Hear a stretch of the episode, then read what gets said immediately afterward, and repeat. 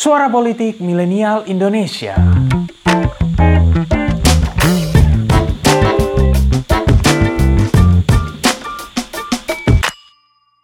Pada tahun 1920, ahli geologi dari Swiss bernama Francois Delois menemukan sebuah temuan revolusioner. Ceritanya, ketika berekspedisi di Venezuela, ia bertemu dengan seekor monyet yang sangat aneh. Monyet tersebut berukuran besar, bentuk dan ukurannya menyerupai manusia. Monyet tersebut tidak memiliki ekor dan mampu gunakan alat untuk menyerang manusia. Setelah ditangkap dan difoto, teman antropologis Delois yang bernama George Montandon menilai bahwa monyet ini merupakan salah satu missing link yang menghubungkan antara manusia dan nenek moyang primatanya. Meski sekarang temuan itu dianggap sebagai hoax, pada zamannya banyak yang percaya bahwa temuan Delois telah membuktikan bahwa evolusi Homo sapiens ternyata berbeda di tiap daerah di dunia. Ya, intinya sih hoax tersebut jadi akar perdebatan rasisme di Eropa.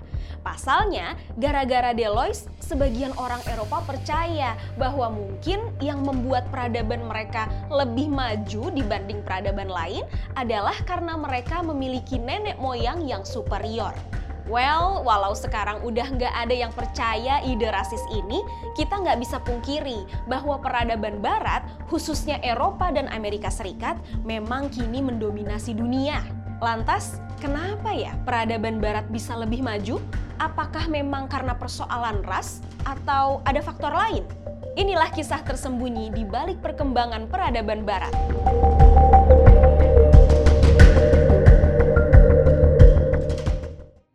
Ngomongin tentang perbedaan peradaban dunia, mau tidak mau kita pasti akan menyentuh persoalan rasisme.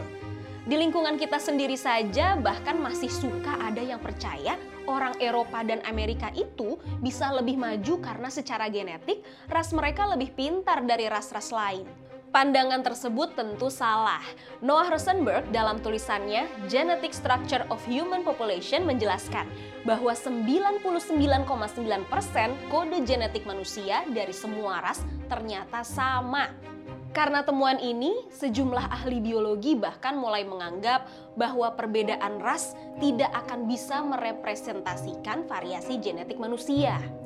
Jika demikian, lalu kenapa peradaban barat bisa tiba-tiba lebih maju, terutama setelah era kolonialisme? Ada pandangan menarik dari Philip Hoffman dalam tulisannya Why Was It Europeans Conquered the World? Ia menjelaskan bahwa sejarah pertempuran menjadi alasan yang pertama. Ini adalah peta yang berisi data tentang seluruh peperangan yang pernah terjadi di dunia – Peta ini dibuat oleh sebuah perusahaan Belanda bernama Nordgoed dan mencatat semua perang dari tahun 2500 sebelum Masehi sampai saat ini. Nah, kalau kita lihat peta ini, kita akan sadar bahwa ternyata daerah yang paling sering terjadi pertempuran adalah benua Eropa. Lantas, kenapa ini penting? Well, Hoffman menjelaskan bahwa karena orang-orang Eropa lebih sering melalui perang dibandingkan wilayah lain, mereka memiliki sebuah pandangan yang lebih kompetitif. Ditambah dengan situasi bumi utara yang dingin dan cenderung tidak sekaya wilayah ekuatorial dari sisi bahan makanan dari tanaman, ini kemudian membuat kerajaan-kerajaan Eropa di masa lalu perlu melakukan ekspansi besar untuk memperkaya dirinya. Karena itu, kerajaan-kerajaan barat sangat mengutamakan pentingnya pembangunan tenaga militer dan pertahanan negara. Di satu sisi, seiring berjalannya waktu, kerajaan-kerajaan tersebut kian sadar bahwa satu-satunya cara untuk menang kompetisi dan aman dari ancaman adalah dengan mendominasi tetangganya. Caranya adalah dengan melakukan invasi ataupun pendudukan. Pandangan seperti ini terbawa turun-temurun selama ribuan tahun dan juga menjadi benih penjajahan, imperialisme, dan kolonialisme Barat itu sendiri. Jadi bisa dibilang faktor kompetitif inilah yang membuat peradaban barat bisa menjadi lebih maju. Kemudian, alasan kedua bisa diambil dari buku Remy Brack yang berjudul Eccentric Culture. Remy percaya bahwa peradaban barat sebenarnya adalah amalgamasi dari berbagai inovasi terbaik di dunia. Namun, alih-alih mengembangkannya untuk hal yang berguna bagi semua orang, perkembangan sains barat selalu didasarkan pada ide ekspansi dan kerap digunakan untuk kekuatan militer. Dan kalau diperhatikan, pernyataan Remy ada benarnya. Penemuan bubuk mesiu misalnya, mayoritas sejarawan percaya bahwa Tiongkoklah yang pertama kali menemukan mesiu. Yang menariknya, dalam pandangan Taoisme, mesiu tidak ditemukan sebagai bahan senjata, melainkan sebagai salah satu produk pencarian ramuan keabadian. Namun, ketika peradaban barat mengenal mesiu, mereka justru malah mengembangkannya jadi senjata yang begitu merusak. Kemudian, untuk alasan ketiga, kita bisa merefleksikan kembali pada pandangan Philip Hoffman yang menilai bahwa peradaban barat sebenarnya tidak pernah lebih maju dari yang lain Barat hanya lebih tega dan lebih berani mendominasi peradaban lain di dunia. Era kolonialisme jadi bukti terkuatnya.